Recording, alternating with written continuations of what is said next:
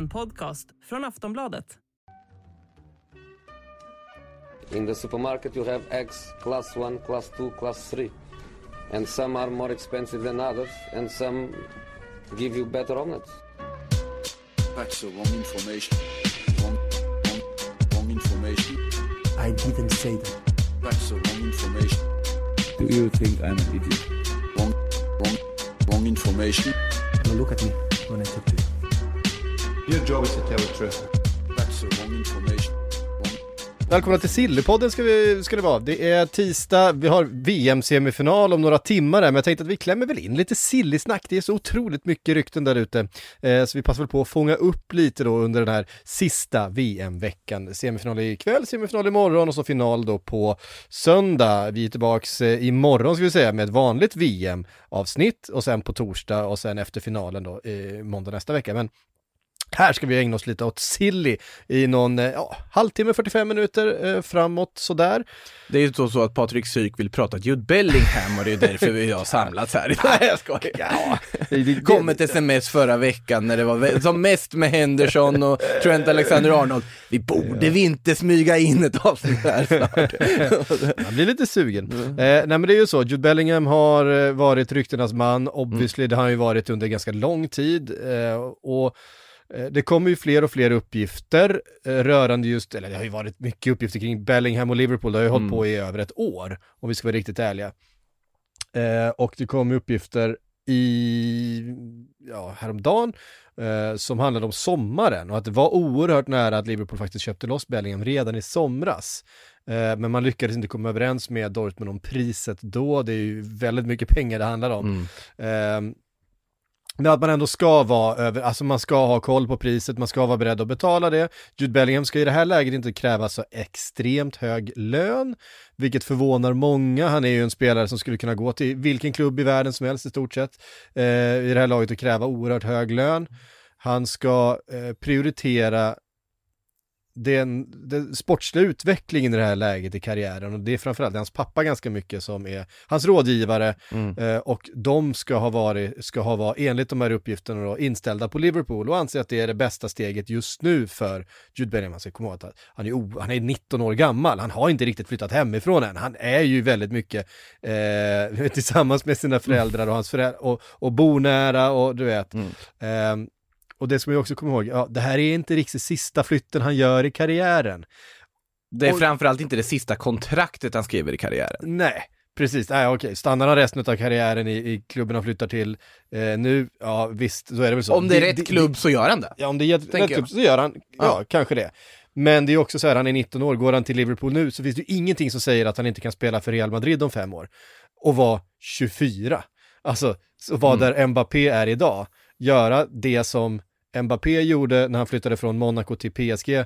Med den stora skillnaden då att, eh, PSG, att eh, Mbappé då aldrig gjorde det som han egentligen eh, önskade, kanske. I Mbappés huvud så gör han fortfarande just det där med att han har flyttat på Real Madrid framåt i tiden. Ja. Det är ju det som är grejen också och det är väl lite, Om det nu är Real Madrid som är grejen för Jude Bellingham, det vet vi inte, men vi vet ju att Real Madrid är intresserade.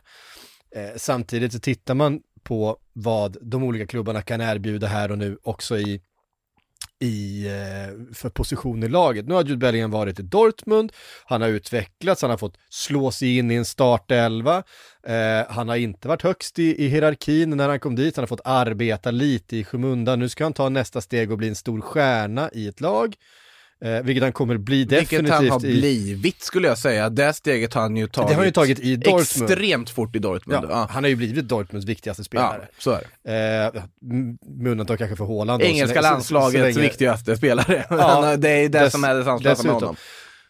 Grejen med Real Madrid är att man har precis eh, köpt Chouameni, man har fortfarande Luka Modric som vi varit inne på, ganska bra fortfarande. Eh, man har en Kamavinga som inte får tillräckligt mycket speltid. Ehm, Toni Kroos. man har fortfarande Toni Kroos där. Alltså, det är inte bara att kliva rätt in för Jude Bellingham i Real Madrid. Ehm, I Liverpool däremot, det är bara, det är bara att flytta på allt som finns där, in och spela och vara liksom den stora, stora Det är ju stjärnan. konstigt att Jordan Henderson propagerar så mycket för att Jude Bellingham ska till Liverpool. han kommer ju som- aldrig få se dagsljus igen när Bellingham spelar. Det är han som blir Ja, det är han petad. att flytta på sig. Nej, men det är väl för klubbens bästa och jag tycker att mycket av det vi har sett där med ja, Agent Trent som varit igång med eh, Henderson, sättet han har hanterat de här frågorna också, hur Bellingham har hanterat frågorna, så är det tydligt att det ligger något i det, för annars är det Henrik Rydström-nivå på, på liksom att Ja. luras med fansen. Ja, nej, Eh, men det är klart att de vet vad de håller på med. Det är klart att Jude Bellingham vet vad han håller på med eh, och, och, och så vidare. Det, ehm, jag tror att det är så att eh, Jude Bellingham kommer skriva på ett kontrakt nu i januari eh, och ansluta till Liverpool till sommaren. Du tror att de genomför övergången redan i januari? Jag tror det. Eh, jag tror att de kommer, eh, kommer alltså det har varit så mycket snack och jag tror att det handlar väldigt mycket om eh, för Liverpool som klubb också att visa upp att vi stagnerar inte utan vi, vi har en framåtrörelse. Eh, jag tror att man kommer släppa Naby Keita som är tillbaka och spelar fotboll igen efter enormt lång tid igen med olika skador. Ehm, han fick några minuter där i deras så här, mitt i säsongen försäsong som de genomför just nu den här vänskaps, vad det nu är, turneringen med poäng för Dubai Cup. straffläggning och ja, precis. Poäng, det, du får, du får, du, du har, out- eh, det är alltid straffläggning va, e- efter alla matcher, du kan få en bonuspoäng. Jag ska helt ärligt säga att jag har faktiskt inte jättegod koll på Dubai Cup exakt och upplägget i, i den här turneringen. Jag, Det är svinkonstigt, jag tror att det är två poäng för oavgjort, tre poäng för Jaha. seger och eh, en bonuspoäng för straffläggning efter. Ah, det är inte det här som de Jag pratar om att de ska säker. införa i trelagsgrupperna till nästa VM då? Att du har en straffläggning inför varje match som ska vara någon sorts utslagsgivande grej ifall. Det är ett förslag som faktiskt diskuteras tydligen enligt ganska trovärdiga uppgifter i, i Fifa inför nästa VM. Förutsatt att det nu blir trelagsgrupper. Det var ju tanken att det skulle bli det, men nu kanske det ändå blir fyrlagsgrupper, vilket jag i alla fall hoppas väldigt mycket att det blir, för fyrlagsgruppen är den perfekta gruppen i mitt tycke. Eh, om vi återgår till just eh, Jude Bellinghams situation, alltså det intressanta blir om man ska signa honom till sommaren och göra ett pre-agreement nu i januari. Det verkar som att man är ute efter att göra exakt samma sak med Enzo Fernandes. Eh, och där finns det uppgifter i Portugal om att det faktiskt ska vara så att Liverpool har en pre-agreement med Benfica. Att oavsett vad priset blir på något sätt, vi matchar det han ska till oss. Och att det ska bli klart och han då går i sommar. Så då ska det vara två unga, offensivt kompetenta innermittfältare till sommar när du egentligen kanske också behöver någon av dem redan nu. Mhm. Och så kommer so Sofian Amrabat, vi ska prata om honom senare. Ja, mm. Eh, fast det här är, Det är ju- eh, det- nej, men det är mycket, det är mycket som är Mm. oklart. Det, det, eh, och som sagt, Ägarfrågan. ägarfrågan är ju, hänger ju över allt Mm. det här som, en, eh, som ett väldigt stort frågetecken. Vi vet inte, nu har vi kommit mer och mer uppgifter om att FSG kanske inte eh, är riktigt så sugna på att sälja hela klubben, utan det är mer investeringar eh, från eh, extern part för att liksom bredda ägar eh, eh, ha fler, invester fler investerare i projektet helt enkelt, sälja delar av klubben. Qatar-stött FSG. Ja, det är väl det det, det i första hand ryktas om just nu då. Det är väldigt- Ingenting klart och Mm. ingenting är, är, har egentligen inte några riktigt, riktigt sådär superstarka eh, vibbar vad jag eh, har snappat upp runt eh, nya ägare eller ny in- investering mer än att FSG själva verkar lite, ah, de har ju hela tiden sagt att vi söker nya investeringar snarare än försäljning, sen så har andra uppgifter gjort gällande att nej, det handlar snarare om försäljning. Um, FSG har ju vidhållit att det är ytterligare investerare som man söker snarare än eh, en, eh, en helförsäljning. Vi- Alltså en vi situation med FSG som majoritetsägare fortfarande med saudi-qatariska investpengar. Mm. Det hade blivit någon väldigt så här, gråzonsaktig anled- Är det sportswashing? alltså exakt. Alltså förstår du menar? Det blir ju liksom att de Ja. pengarna finns där men det är inte de som frontar. Nej, precis. Alltså, sportswashingen handlar ju väldigt mycket om att, att eh, då ta del av varumärket, att vara den som syns och hörs. Då är det ju oerhört Ja. viktigt att, att sitta på läktaren, eh, att Mm. associeras väldigt starkt till varumärket. Det är ju det det handlar om. Sen så finns det problem utanför sportswashing-diskussionen i att ta pengar ifrån Qatar och Absolut, Saudi och att sätta sig i absolut, så är det på dem givetvis. att eh, göra affärer med den typen av eh, konsortie överhuvudtaget finns det ju problem med. Eh, så att bara för att man har några som sitter i baksätet och bara liksom inte syns och skyfflar in pengar, vilket är ju, är ju idealt på ett sätt, man vill inte ha en ägare överhuvudtaget som syns. I, i min värld så vill man ju inte ha... Lite Roman Abramovic de sista åren. Ja, kanske. Å andra sidan så satt han ju väldigt, väldigt tydligt på läktaren under alla, alla matcher. under Det, det gjorde han i och för sig, det gjorde han i och för sig. Eh, men, men likväl att han det är inte... inte så att vi inte, att vi inte förknippade Chelsea-projektet med Roman Abramovic, Nej, utan så- han var, var otroligt tätt Ja. förknippad med, med varumärket. Ehm, men i en ideal värld vill man ju ha en ägare som då aldrig syns, som inte eh, liksom ska snylta på något renommé. Ehm, det kan man väl egentligen säga att de amerikanska ägarna i stort sett gör, för de är inte där av den anledningen. Om vi då, oavsett, det är ju halva Premier League snart som ägs av amerikanska ägare. De är ju inte där för att synas eller höras. De vill gärna synas, synas De är och där för höras att tjäna pengar och det så, är så är lite som möjligt. Och de, men de är där för att tjäna pengar och i den processen vill de ju gärna bygga om strukturerna så, så att det ska Mm. gynnas och de ska säkra sina, investeringar över längre tid. Det är ju det, det är ju den stora faran med de amerikanska ägarna, att de överhuvudtaget inte tar hänsyn till, eh, till kultur eller eh, tradition eller sportslig fairness. Eh, ja, nu drar jag alla över en kam och jag är lite hård i, i, kanske. Nej, men grund, grundproblemet ligger i avsaknaden av 51% regel, grundproblemet ligger i att vi inte har medlemsägda klubbar i Premier League. Ja, ja men Eh, så, så, är det så, så är det verkligen och, och, eh, och. Det finns massa problem med det. Men tillbaks till, eh, till, till Jude. Bellingham och Enzo Fernandes. Eh, det har kommit, det är väldigt trovärdiga uppgifter runt båda de här två. Mm. Ehm, skulle Bellingham komma redan nu, det, alltså som det är så är, finns det ju en mittfältskris i Liverpool. Man behöver värva en mittfältare. Ehm, så är det bara. Det, det att eh, har spelats alldeles för mycket med spelare ur form, spelare på lite fel positioner. Vi har en ehm, Fernandinho som varit helt ur form. Eh, Fabinho menar du antagligen. jag menar Fabinho, nu, Nu- nu- kan jag inte ens namnet på spelarna i Liverpool. Ehm, och så vidare. Så att, eh, att det skulle behövas en, en mittfältsinjektion redan i januari, absolut. Helst två. Helst två kanske, men åtminstone en, en, en garanterad startspelare. Den som skulle komma in, den som kom in i somras, Artur, han är ju borta för hela säsongen. Eh, han är ju skadad, han var liksom, jag vet inte, det var en märklig värvning från början. Ehm, Ja, den, den finns ju många frågetecken kring och det vart ju inte rätt på något sätt. nej, Eh, Så att, ehm, kan man få in Bellingham redan nu i januari? Går det överhuvudtaget? Jag vet inte. kan man lägga 1,5 miljarder i januari? Eh, det tror jag i och för sig att man kan. Mm. Jag tror inte att, alltså så här, det är inte det att pengarna inte finns, för det handlar, Nej. inte om att, det handlar ändå inte om att ägarna tar pengarna ur sina egna fickor. De kan bara ringa en bank och säga, hej, vi har ett, eh, ett företag värt eh, 40 miljoner, Mm. kan vi få låna en och en halv, eller 40 miljarder, kan vi få låna en och en halv miljard som vi tror kommer höja värdet på vårt företag med så här mycket och som vi tror kommer vara en bra investering. Ja, Givetvis, gi- säger själv- Goldman Sachs och sen så... Ja, självklart säger banken. Det handlar ju bara om vad ägarna anser att spelaren är värd. Eh, och Men det är just det här med FSG, just att de har ju bara aldrig betalat över vad de anser att en spelare är värd. I fallet Jude Bellingham så pratar vi att det är ändå en spelare som är värd de pengarna i, i sammanhanget. Ingen, ingen är givetvis värd över en miljard på så vis, men Och här, här verkar det ju som att Klopp själv eh, har varit väldigt tydlig med att det här är spelaren som jag vill ha, det här är spelaren som Mm. vi behöver. Ehm, och av den anledningen så tror jag att eh, det kommer bli av. Ehm, jag tror att eh, alla indikationer pekar ju mot att Bellingham kommer till Liverpool. Eh, jag tror att det, frågan är, blir det till nästa sommar, precis som med Enzo Fernandes, Mm. ska man då hanka sig fram?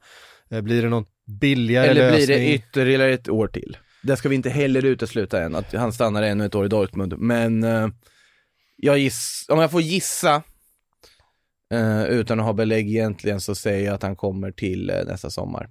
Jag tror att det är en för stor, stor affär att rodda hem det här vinterfönstret.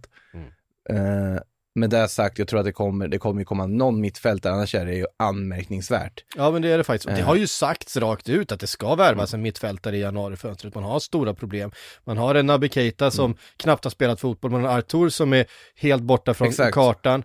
Eh, du har spelare som har varit eh, ur form. Du har liksom James, en James Milner som är ett år äldre, en Mm. eh, Jordan Henderson som är ett år äldre, en Thiago som är skadad hela tiden. Mm. Det, det, det, det går Men inte. en viktig poäng, om det ska ske till sommaren, jag tror, så måste de lösa Champions League-platsen. Jag tror inte att han är intresserad av att gå till Liverpool om de spelar Europa League. Nej, Eh, med nej. tanke på konkurrensen, då skulle han kunna gå till City och spela Champions League, han skulle kunna gå till Real Madrid och spela Champions League och så Visst. vidare. Han vill ju gå till en klubb där han kan vinna titlar han inte kan göra i Dortmund. Mm. Eh, hur mycket han än är tjenis och bundis med eh, Liverpool-spelarna i Det tror jag spelar väldigt lite Det roll. spelar ska vara otroligt lite roll. Sen tror jag ändå absolut att det är ändå till för att han får höra goda saker om klubben. Han fattar att det är bra miljö att utvecklas vidare i och en miljö där han kan bygga ett legacy och ha en tydlig plats. Och vi alla kan ju se hur perfekt han skulle passa i Liverpool. Ja. Det, är, det är nästan lite skrämmande perfekt han skulle passa på förhand så man känner att det bara kan gå ner för från förväntningarna. Så att nej, jag, jag tror till sommaren. Det, det är min gissning i alla fall. Ja. Men jag tror de måste försöka lösa Champions League-plats, annars kan det bli jobbigt. Eller då säkra det i förhand nu i januari, som du sa. Eh, nej, men, någonting sånt. Det kommer vara mycket mer. Jag tror att han i slutändan kommer hamna i, i, i Liverpool faktiskt. Mm. Ehm, en annan spelare som det pratas oerhört mycket under VM är Cody Gakpo, nedländaren som gjorde succé åtminstone i början av turneringen. Ehm, var rätt osynlig mot, eh, mot Argentina får man säga.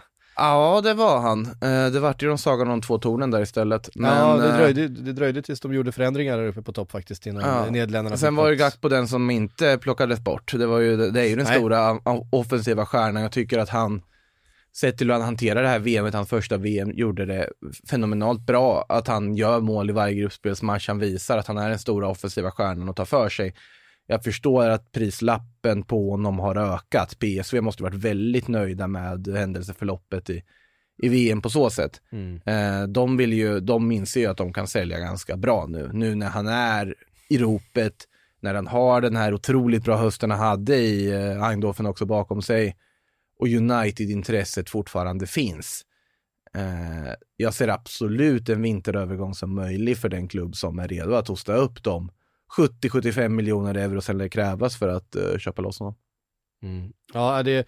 Och det är eh, väl United som jag ser främst som främsta kandidat egentligen som har kopplats mest med honom. Ja, alltså, eh, de har ju precis eh, avskedat en av sina, sina anfallare, Cristiano Ronaldo, Mm. som ska vara allt eh, att döma då, det är väl inte bekräftat heller, till Saudi. Han har ju nekat det själv att det skulle vara Saudi. Eh, att det skulle vara klart i alla fall har han Mm. nekat. Men jag tror ju kanske inte att, Rätt trovärdiga uppgifter som har kommit som ja, att är Felix klart. Diaz har ju koll på läget på, på Marca tycker Ja. jag också. Sen är det ju, det är många som har rapporterat att jo, visst finns budet och visst finns möjligheten, men det är inte klart än, är det många som har sagt. Eh, Ronaldo ska i alla fall inte spela i Manchester United och jag tror inte han kommer Ja, spela någon, någon annan to- europeisk toppklubb heller. Han hade Eh, behövt göra ett något bättre VM. Det blev lite för mycket annat. Nu kommer ju Fjöpgift att Ronaldo fundera på att inte sluta i landslaget. Han faktiskt funderar på att fortsätta till EM 2024. Eh, tror, han, han, han kommer ju aldrig kunna sluta. Han är ju en Zlatan liksom. De, de här, de här eh, Ja. ex, extrema eh, tävlingsmänniskorna, de här extrema atleterna, de extrema måste- egorna, de, de, eh, det, är ju, det är ju för svårt att sluta för. ja, fast det här har jag varit inne på förut. Problemet för Cristiano Ronaldo är att han ser ju sin egen storhet på en fotbollsplan på ett annat sätt. Han har inte kommit till liksom insikten att han har stagnerat som fotbollsspelare. Zlatan Ibrahimovic har gjort det för ganska många år sedan. Och det sättet han är i Milan nu, absolut, han skämtar ju fortfarande, säger ja, Milan needs Zlatan, säger han ju också, men han säger ju också Zlatan needs Milan. Att eh, han, han ser ju snarare glädjen i Milans kollektiva framgång på ett helt annat sätt. Han tycker väldigt mycket om den klubben till att börja med. Han har Ja. trivts där väldigt bra eh, under alla de olika vändorna han har varit där.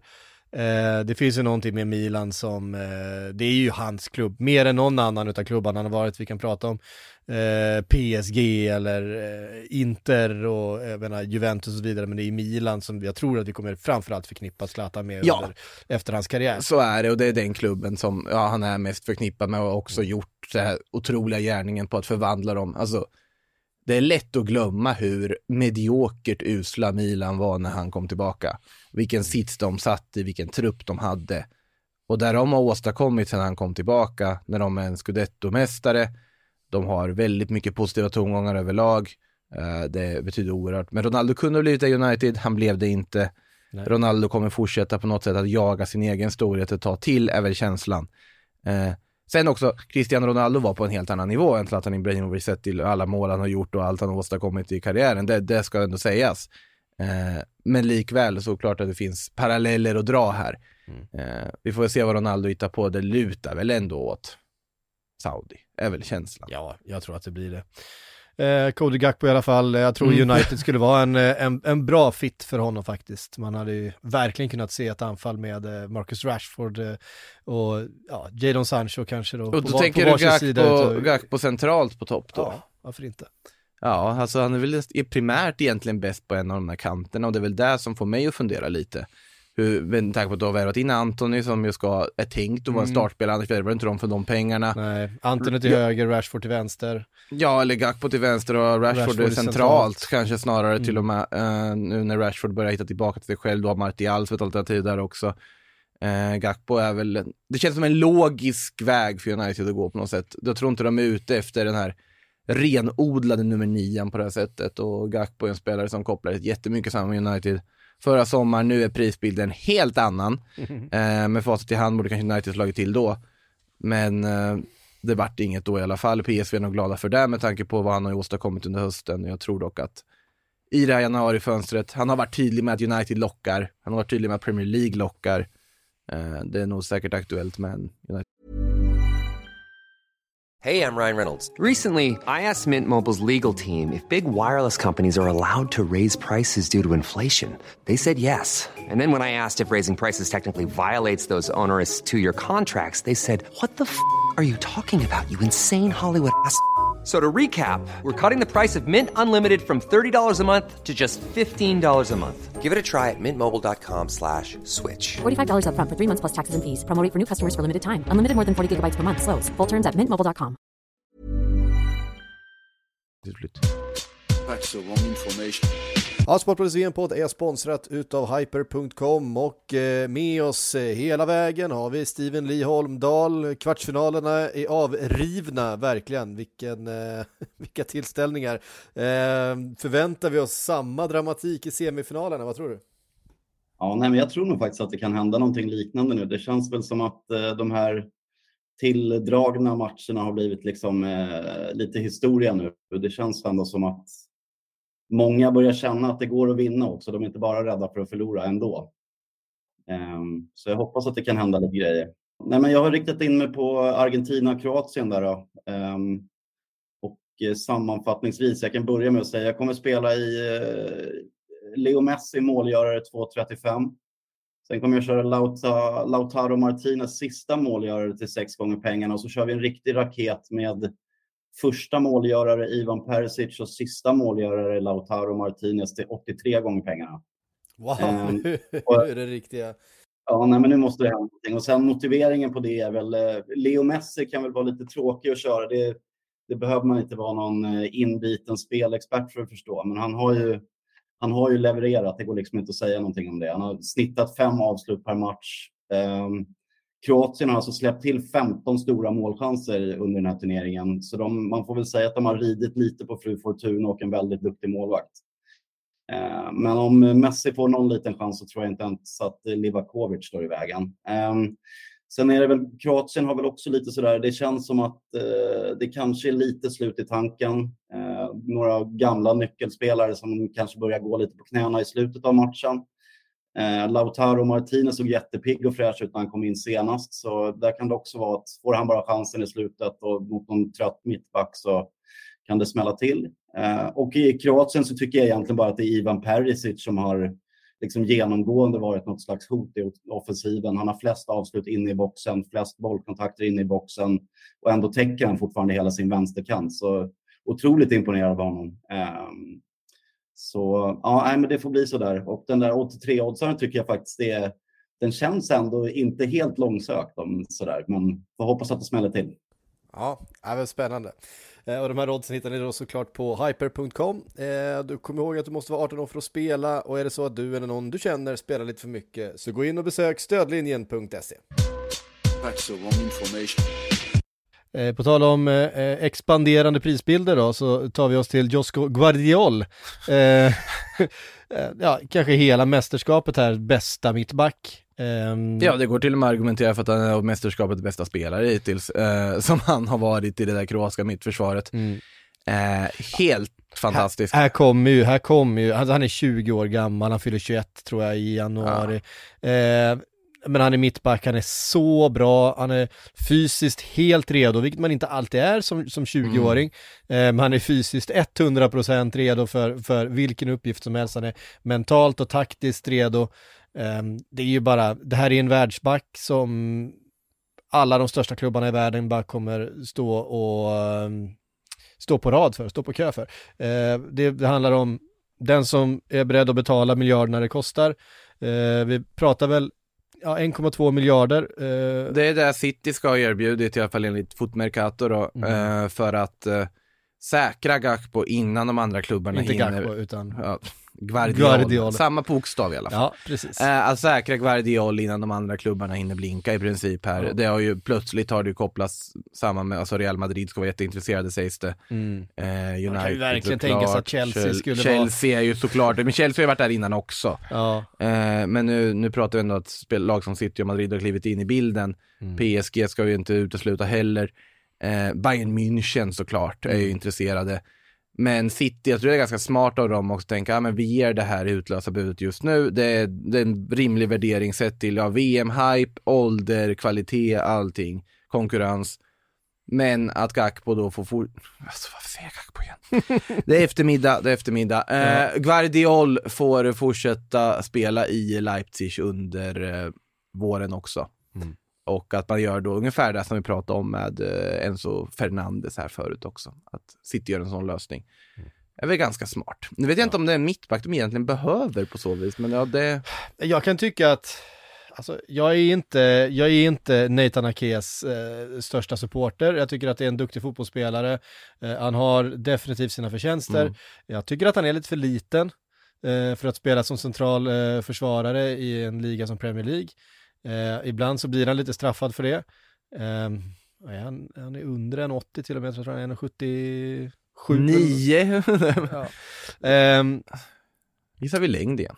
Ja, nu gissar vi längd. Han är prick 1,80, vilket är, är okej liksom, men eh, han, ha, han har sina svagheter där.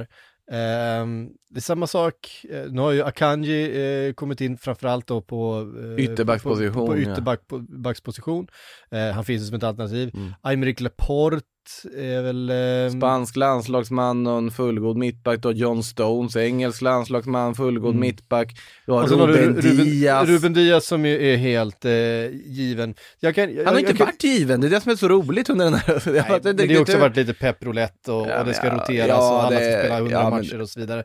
Eh, jag, kan, jag kan se att det finns en, en plats för Guardiol i, i det här laget. Jag tror faktiskt att man kan tänka sig att släppa en, eh, en spelare som John Stones eh, om, eh, om homegrown-regeln tillåter det, det vet jag inte. Eh, Om man vill släppa Laporte kommer Barcelona stå där på tröskeln och vara redo Precis. i alla fall, för de vill ju verkligen gärna få in honom tror jag fortfarande, även om det inte är aktuellt med prisbilden idag kanske. Eh, nej men alltså såklart, Guardiola hade ju varit en supervärvning för alla klubbar och det ser vi på det han åstadkommer nu. Absolut, man ska inte stirra sig blind på det någon gör i bara blott ett VM här, men Guardiola har gjort annat innan Ja, också. Det, var, min- det är inte min- nytt namn i min karusellen. poäng, min poäng är egentligen, han går in i vilket av de här lagen som helst, lite oavsett vad de har för behov här och nu, så blir deras backlinje eh, förmodligen starkare med eh, en Guardiol i laget. Eh, Mm. Det är lite så jag känner.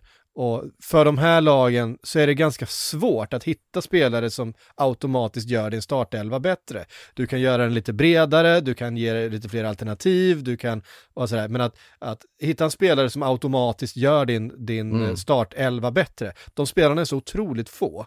Eh, för lag som Manchester City, för lag som Real Madrid, för lag som eh, Bayern München. Att när de dyker upp Mm. så är de värda att köpa, de är värda att betala väldigt mycket pengar för. Liksom oavsett vilket behov du har. Framförallt Ehm. spelare som på sikt kan bli det. Alltså i, i Guardiols fall, så jag är inte övertygad om han skulle gå in rakt in i en startelva i de här alla toppklubbar idag. Men han är 20 år gammal, Mm. sett till, det finns inget som talar, talar emot att han inte skulle göra det om blott något år eller två. Nej. Så att, eh, nej jag förstår hypen som har eh, växt där och City ligger säkert ganska bra till kan man tänka sig. Ja, det, om de är beredda att betala 1,2 miljarder här Då är de nog väldigt, då är nog Leipzig, de tar nog det. Ja, men Leipzig kommer ju trolla fram en ännu bättre back eh, från någonstans i, i, eh, i hierarkin. Ja, men det är väl Khan som slår igenom nästa då sen och så har du honom istället som plötsligt är värd en miljard. Det är ju så de gör. Det är så de gör.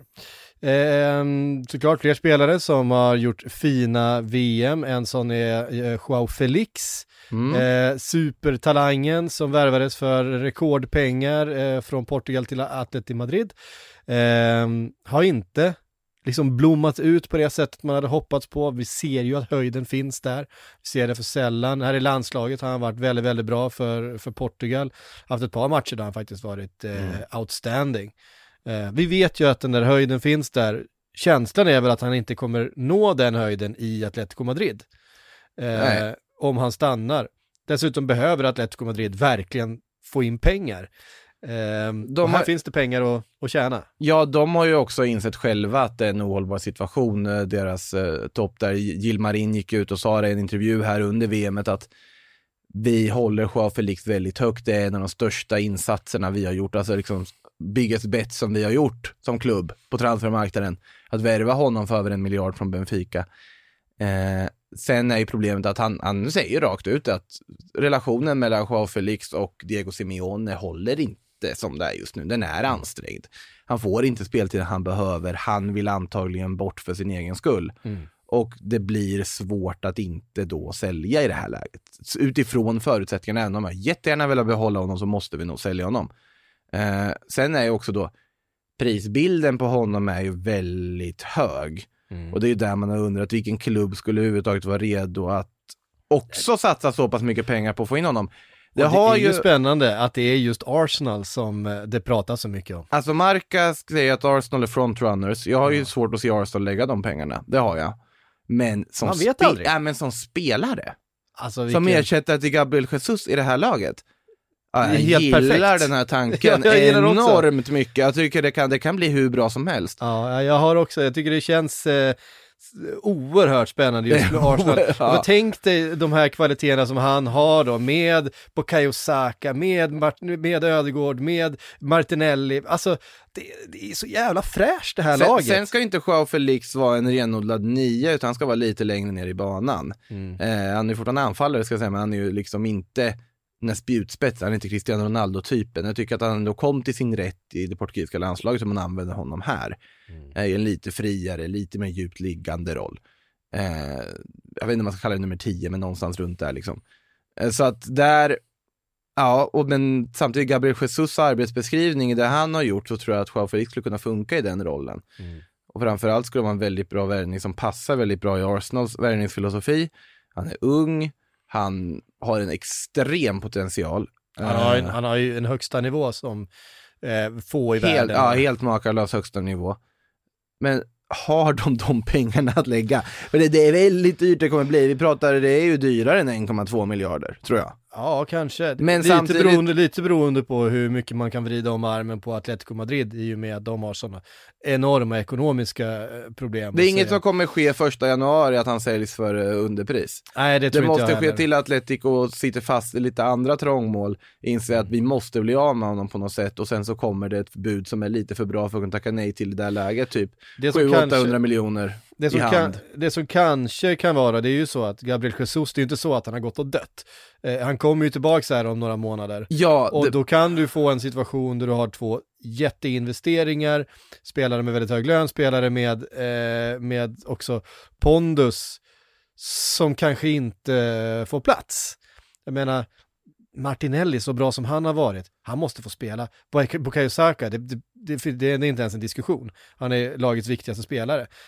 Um, ja, så ska du ha liksom Jesus och eh, Joao Felix samtidigt. Då- då hur, hur ska du få in allt det här? Ja, det är ju det. Och då låter ju plötsligt det namn som egentligen har rapporterats vara Arsenals nummer ett prioritering till det här fönstret låter ju rimligare och det är ju Mikhailo Mudryk. Exakt, Mu- Mudryk. det, var, det är precis dit jag ville komma. Ah. För att där har du en spelare som inte kräver den statusen i truppen när han kommer, som inte är en miljardinvestering. Han kommer ju säkert inte vara billig heller. Han Men vi kommer pratar inte vara billig. Vi pratar ändå helt andra, helt andra resurser på en sån spelare. Han kommer spelare- inte alls kräva Mm. samma lön till exempel. Nej, som tydligt vill till Arsenal. Ja, han vill, som han som vill ser bara det till som Arsenal. ett första val för honom Mm. och hans utveckling. Som inte skulle kosta lika mycket. Joao Felix så finns det ju en risk att det kan rubba balansen något på att det just är en spelare med stjärnstatus. Mudryk passar väl ännu bättre in i Arsenals mall hur de jobbar egentligen. Eh, och det har pratats mycket och det är ändå när The Athletic och det Ornstein skriver om Arsenal, då är det trovärdigt. Och i det här fallet så är det ju han som har skrivit också att Mudryk är prioritet eh, i det här fönstret och att Shakhtar till och med ska vara redo att kanske sänka sin initiala värdering på typ en miljard. Eh, klassisk stressvärdering man gör när det blir väldigt mycket intresse. Eh, jag tror att Mu- Mudryk till vintern tror jag absolut kan vara, kan hända. Men då Ja, frågar jag, jag- vad gör Joao då då? Det är ju det som är lite, att vara, absolut PSG, men PSG tror jag inte tar in honom för att han ska vara backup-alternativ. Bayern München-spåret har svalnat ganska rejält. De verkar ju snarare förbereda någon sorts Harry Kane-offensiv om något år eller två. Eh, De verkar inte ha gett upp Harry Kane överhuvudtaget. Eh, Aston Villa tänker jag inte ens eh, reflektera kring. För jag tycker att, ja, men det, Aston Villa är där och nosar. Ja men, fatta er plats på något sätt. Eh, ja, det, ja, eller det, Jag det, vet det är väldigt elitistiskt att säga så såklart. Förlåt, förlåt alla Aston Villa eh, och eh, Barcelona, allting, men då får jag ju Bojan till Stoke-vibbar direkt. Eh, Ja, alltså, och, ja, ja, och det, Bojan och till det blir bara inte bra. Det blir bara inte bra. Nej, förutom att det skulle kosta hutlöst mycket mer än vad Bojan gjorde för Stoke. såklart. Och Aston Villa är en klubb som satsar helt andra former av pengar och har andra ambitioner. Jag får ändå, jag får ändå Jag den. får också de vibbarna, så att det Ja, Joao Felix till Barcelona ska vi inte heller bara helt utesluta. Real Madrid är det helt otänkbart. Jag vet inte om det verkligen är. Alltså, han har ju ändå kopplats dit förut också. Om han inte får speltid i Atleti som det är nu, kanske har mer med Diego Simeone att göra. Vem ska han peta i Real Madrid? Ja, men alltså, jag menar nu, om Benzema har sina skadeproblem. Ja, det har han ju eh, visserligen. Ja, du vill ha en offensivare approach i vissa matcher. Du kommer inte spela Rodrigo och Vini i varje match. Eh, men nej, jag, jag ser väl inte att den är solklar eller klockren heller. Då finns det ju en annan spelare som också har varit lite spännande, men det är också kanske blir en krock. Vi kommer nog in på den spelaren sen. Mm. Men nej, det, det är svårt att veta vilka alternativ som finns. Jag tycker ju Chelsea borde vara där. Mm. De borde vara där och, Verkligen. och hugga verkligen, tycker jag på alla sätt och vis. Eh, hade varit jättebra för dem och de måste värva anfallare. Mm. Nu gick ju Armando Broja sönder också, eh, ganska rejält. Aubameyang och Kai Havertz har ju inte jättemycket förtroende i Graham Potters bok vad det verkar, piff och puff där. Vet, vet, inte, Eh. vet inte hur- vad det är med Chelsea just nu och bara inte få till det med anfallare. Nkunku liksom. kan vi väl räkna hem. Ja, eh, skadade Nkunku. Ja, eh, men- För stunden, men... Eh, Alltså ja. till sommaren åtminstone kan vi räkna hem honom, tror jag. Ja men det känns väldigt mycket, väldigt mycket Chelsea över Nkunku. Ja, det och finns där har du en spelare som, uppgifter och allt möjligt på honom också så att det är ju där har du en spelare som öser. Å andra sidan, det gjorde ju Timo Werner också.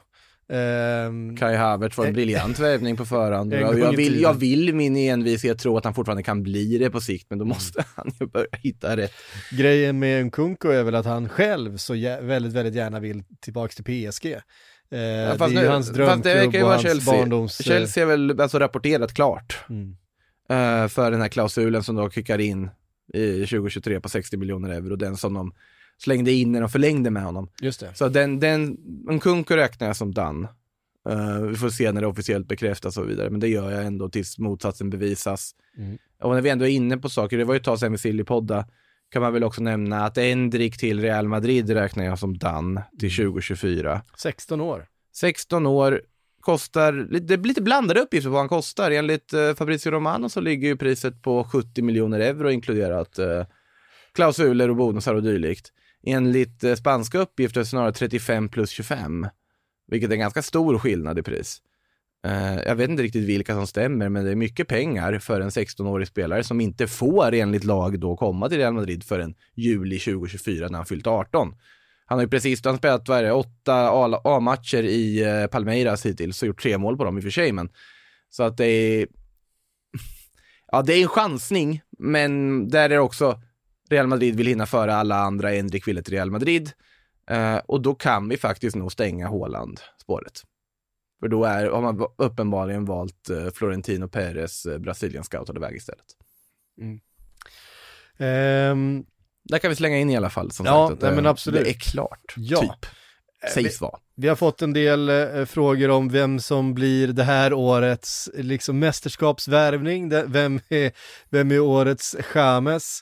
Eh, från det här VMet. Det finns ju en som känns väldigt mycket så. Han heter Sofiane Amrabat och spelar i eh, Marocko.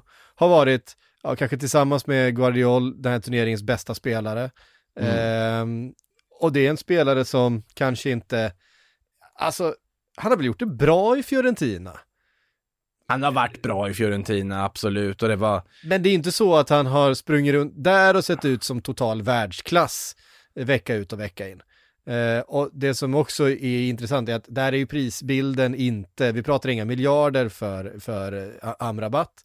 Ehm, utan det rör, det, rör, det rör sig om någonstans kanske 300-400 miljoner, Mm. vilket är såklart mycket pengar. Eh, men för de här största klubbarna, om man känner att eh, ja, vi skulle verkligen behöva få in den spelartypen så är det ju en, eh, en pant värd att ta. Eh, han är 26 år gammal, det är precis i perfekt ålder, man får in en spelare för inte jättemycket pengar antagligen, inte skyhög lön eh, som kommer in, han kommer vara i sina bästa år antagligen här framöver. Man kanske inte ens behöver känna att man eh, ska få ut en, eh, en försäljningssumma tillbaks för honom. Det här kan vara en investering. En spelare som också kan vara backup och kan vara en rollspelare. Ehm, Fiorentina satt en väldigt rimlig prislapp, tycker jag, om man ska tro det som har rapporterats, Mm. att, eh, på 40 miljoner euro. Och den tycker jag är rimlig eftersom att hans kontrakt går ut 2024, det vill säga att man kan inte kräva för mycket pengar för honom. 26 år gammal, har ganska många år kvar på toppen. Mm. Men Fiorentina får en ansenlig summa pengar in, det är en summa som inte kommer att avskräcka de bästa klubbarna som kan vara ute efter honom. Eh, jag undrar vad Tottenham tänker att de inte lyckades lösa det där för något år sedan, när de ändå vi verkligen ville ha honom. Gick ju på Bentancourt-spåret istället, gick på Bissoma-spåret istället i somras, och det har ju Amrabat ändå kopplat Tottenham ganska länge. Eh, nu är ju Liverpool med i leken också. Jag tycker att det känns helt klockren värvning för Liverpool på kort sikt, att få in den typen av spelare, precis den spelare de behöver. Det där mittfältet, det gäller väl i och för sig alla i mittfältare i världen, eller på att säga. Jag skulle säga att Adrien Rabiot är en klockren värvning för Liverpool idag också, sett till vad de behöver. Eh, Tottenham, ja, där skulle han också kunna tillföra. Så att eh, jag tror väl ändå att där kan vi nog få se en Premier League-flytt till vintern innan man måste sänka priset ännu mer till eh, sommaren eftersom att de då bara har ett år kvar på kontraktet. Mm. Um, ja, nej, men det är spännande och det, vi får väl se här just med eh, Amrabat. Det är för det, vi pratade om det, Uh, det är verkligen en spelare jag skulle kunna se uh, Liverpool eh, kliva Ja. in för eh, i, i januari. Om det är så att man inte löser varken eh, Bellingham eller, eller Mm. Enzo Fernandes eh, här och nu, man måste ha in en, en central mittfältare. Rabiot sa jag ju, nämnde jag honom. Ja, du nämnde Rabiot. Ja, Det är inte otänkbart. Det är inte otänkbart, det, säger jag bara. Det är inte otänkbart. Sen Han måste röra Eh. på sig också. För att det finns ett kontraktsläge så där. spelar han som han har gjort för Frankrike så är han hemskt välkommen. Ja, men jag tror att det är just att han, han använder det här VMet på ett sätt och har tagit chansen i det här VMet så att klubbar tänker, ja men okej, vi går väl och eh, förhandlar med hans mamma då. Vi tar väl den smällen och ger honom lite, lite för hög lön sett till vad vi egentligen vill. För att få in den mittfältet. Och det tror jag ser absolut Liverpool kunna göra i det här läget. Mm. För att Klopp gillar ju Rabiot, det är ju, det är ju sedan gammalt. Så att eh, den, Ja, kan man få- ja, Kan man få en Rabiot med huvudet på rätt ställe? Eh, där förutsätter jag inte att han har huvudet på rätt ställe, men alltså att han, han Ja, för det har jag inte alltid haft. Det har han inte alltid haft. Men eh, nej, det här kan ju ha varit vändpunkten för Mm. Rabiot, vem vet. Men jag tror att, eh, jag vill inte utesluta att han dyker upp i en Big Six-klubb och att Liverpool är väl en som behöver mittfältare allra mest. Ja, en bra agent. Ja, det är som sagt, ja. Det är samma sak där, alltså han, han är ju inne, han har ju nått sin bästa ålder nu, han är 27 år gammal.